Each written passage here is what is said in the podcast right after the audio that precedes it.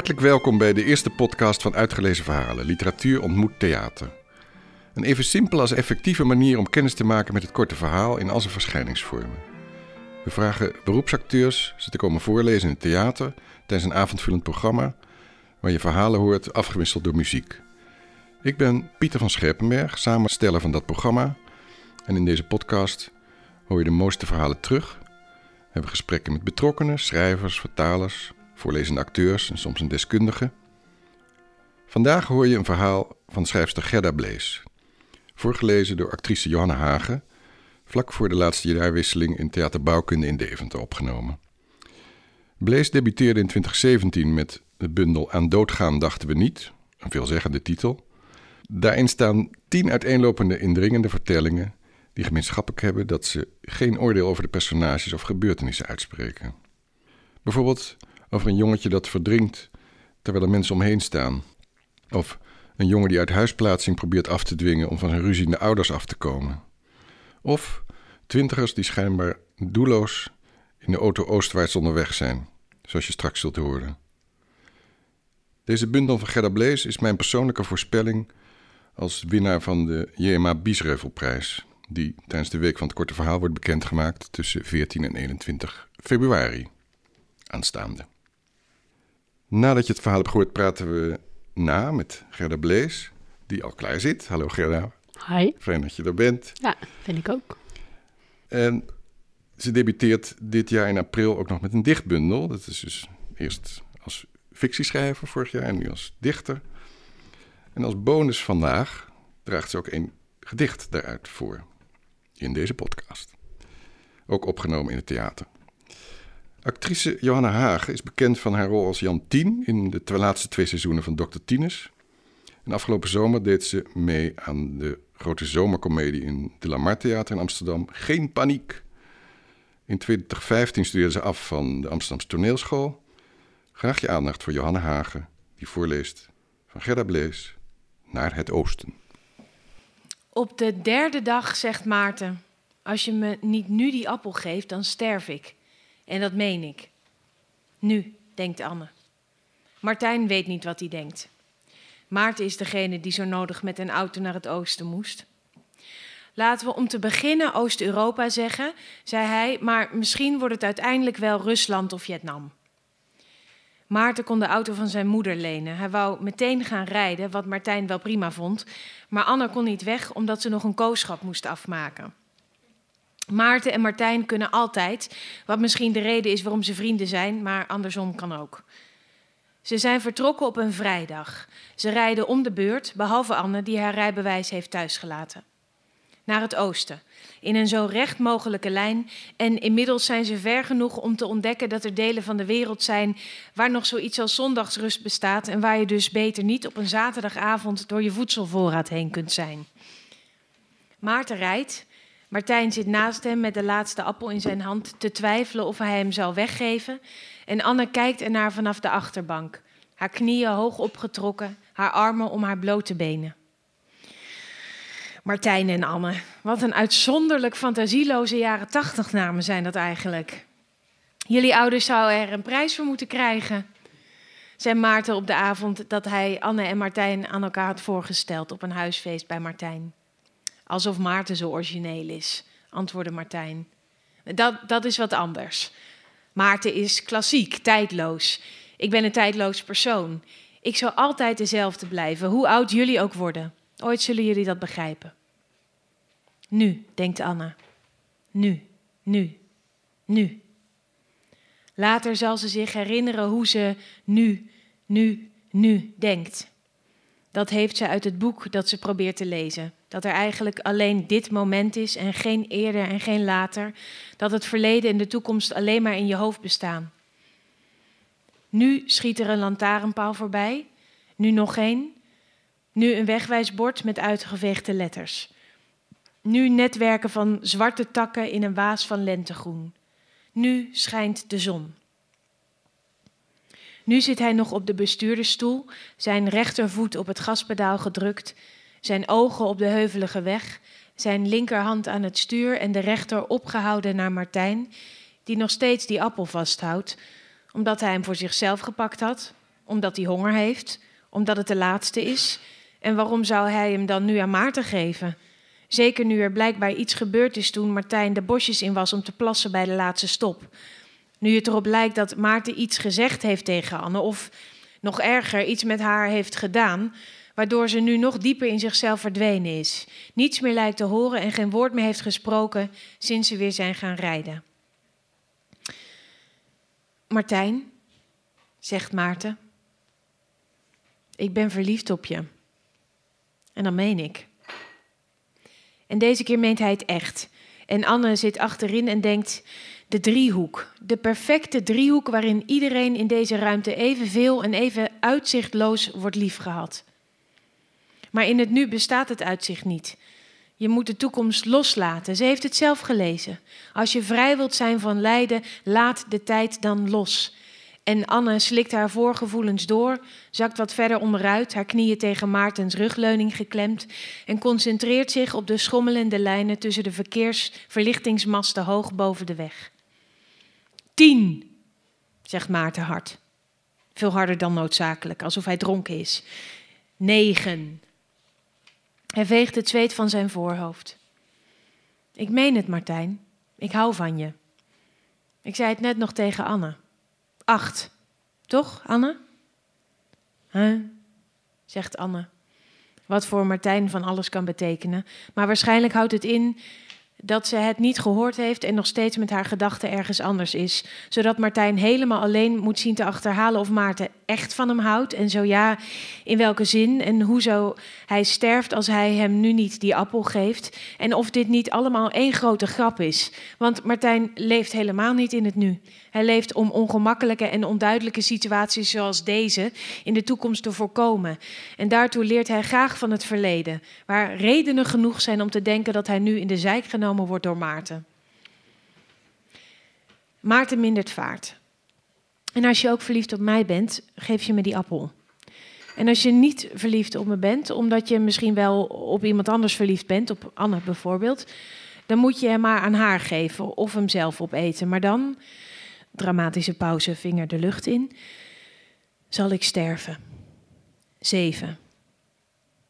En later zal Anne terugdenken aan dit moment en zal ze zichzelf voorhouden dat het niet bestaat. Dat alleen het nu bestaat, zonder Maarten en Martijn, zonder dolgedraaide kilometerteller, zonder appel, zonder alle achteraf zo onmiskenbare verschijnselen, zonder de gedachte dat iemand moet ingrijpen en dat zij die iemand is. Zes, zegt Maarten.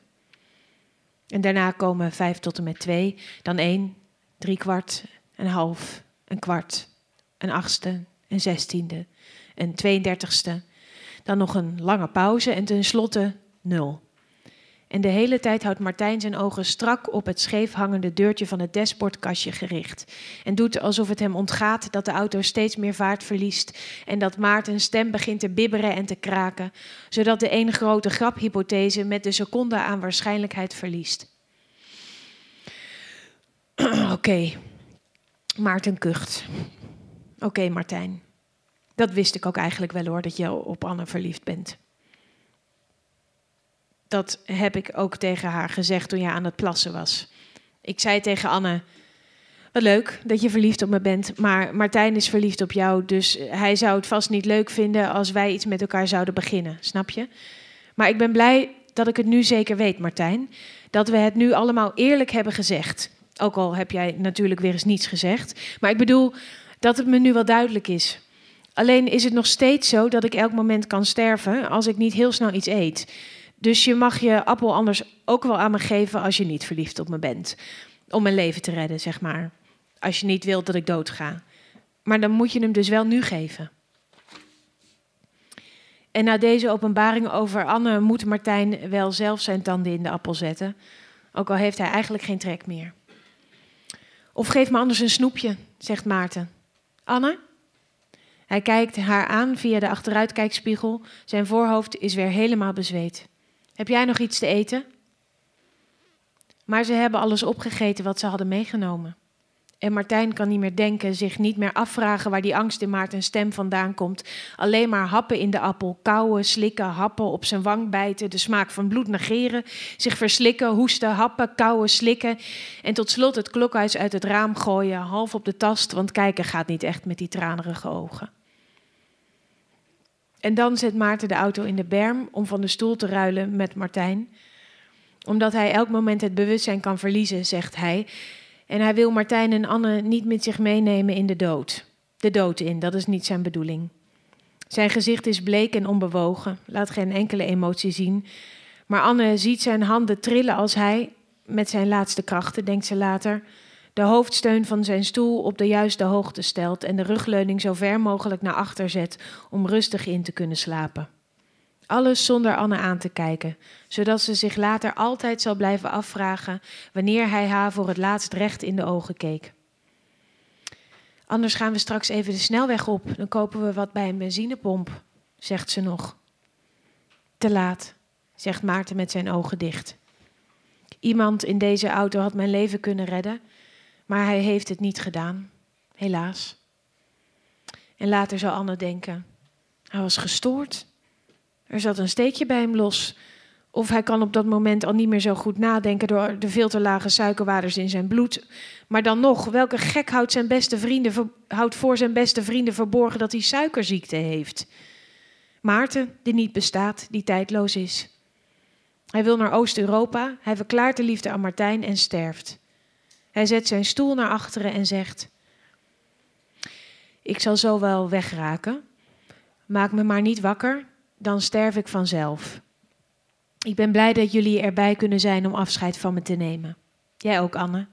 Ik ben blij dat jij wel van me houdt. Dat is een hele troost. En dat meen ik.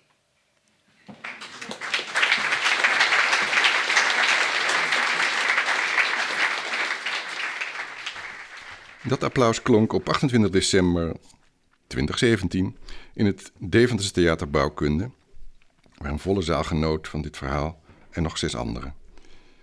Schrijfster Gerda Blees was daarbij, maar is vanmiddag ook in deze podcaststudio. Hoi Gerda.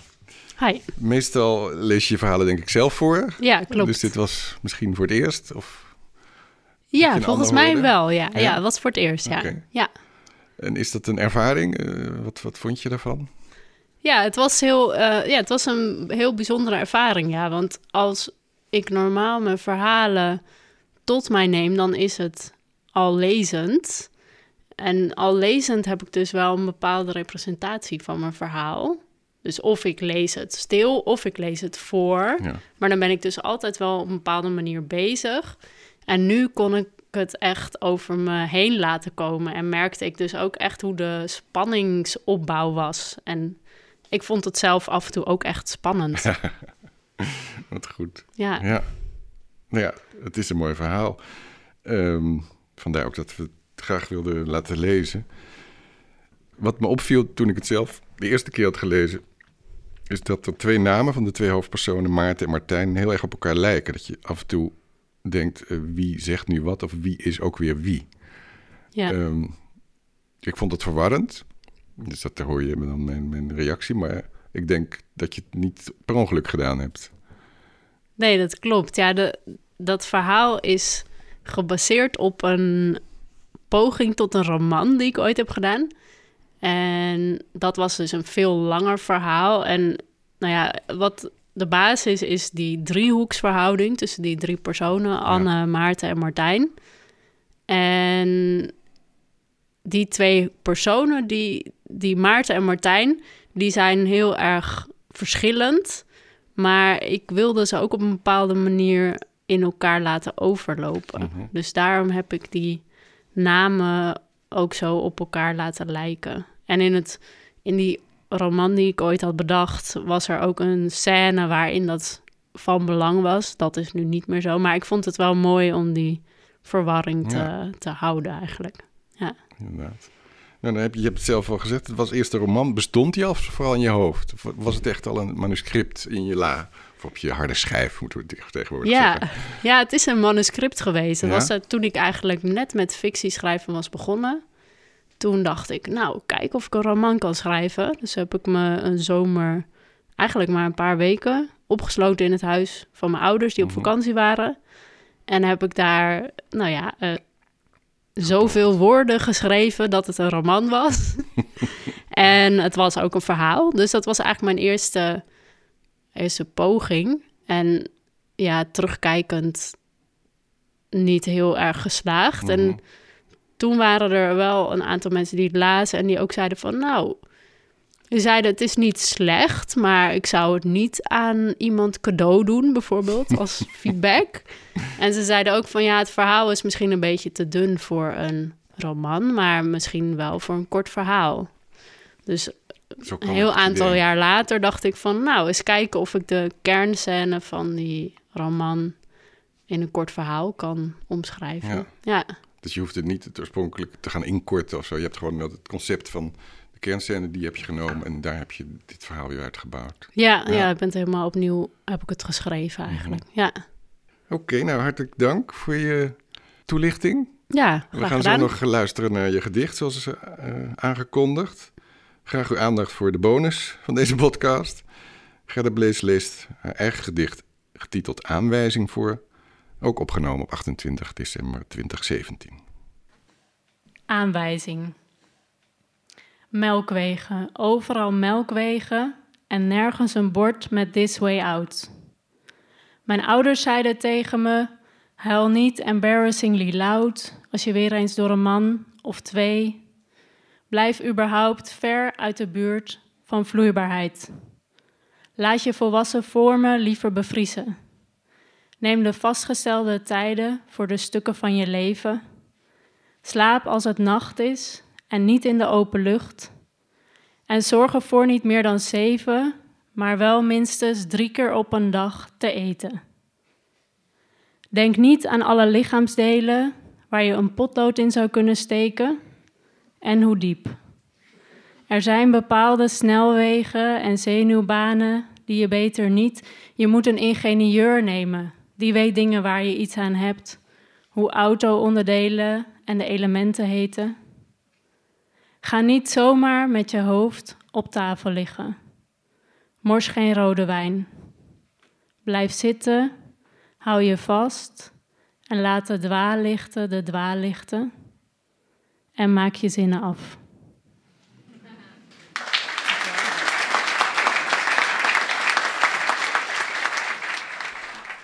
Je hoorde Gerda Blees met haar gedicht Aanwijzing. De bundel verschijnt in april dit jaar bij uitgeverij Podium. Ik wijs je verder graag op onze volgende edities in het theater, omdat het heel leuk is om mee te maken. Op zaterdag 17 februari kun je de acteurs Marjolein van Heemstra, Titus Muizelaar en Ludwig Bindervoet horen die verhalen voorlezen over het leven in de grote stad. En Johanneke ter Stegen komt zingen. Ze is tevens voormalig stadsdichter van Deventer. Met dit programma doen we mee aan de Week van het Korte Verhaal tussen 14 en 21 februari. En kijk op uitgelezenverhalen.nl voor de laatste informatie over dat programma. Bestel kaarten voor deze avond in de Deventer Schouwburg. De eerstnavolgende dan is vrijdag 11 mei. En die heeft als titel De Moeder. Want het is twee dagen later Moederdag op 13 mei. De acteurs zijn nu nog niet bekend, maar de muzikant wel. Lotte Pen speelt dan op haar saxofoon. Dan onze volgende podcast. Die hoor je weer begin maart. We hebben dan over flash fiction. Dat zijn drie zeer korte verhalen uit de Verenigde Staten. En praten met de actrice die er twee voorlas, Johanna Hagen. En de vertaaldocent die de vertaling begeleidde. Die zet de graswinkel. Abonneer je op deze podcast en je krijgt vanzelf bericht als de volgende afleveringen klaarstaan. En heb je ervan genoten? Vertel het door aan anderen en geef je oordeel in iTunes. Dat helpt ook weer aan onze bekendheid. Deze podcast is mede mogelijk gemaakt door de Gravin van Bijland Stichting, de Stichting Wesselings van Bremen en de Deventer Cultuurclub. Aan deze podcast werkten mee Gerda Blees, Johanna Hagen, Amir Swaap en Sietse van Gorkom. Die laatste twee hebben de tune gemaakt. Dirk-Jan van Ittersum voor de techniek. Ik ben Pieter van Scherpenberg en gids die door deze eerste aflevering. Tot de volgende, begin maart.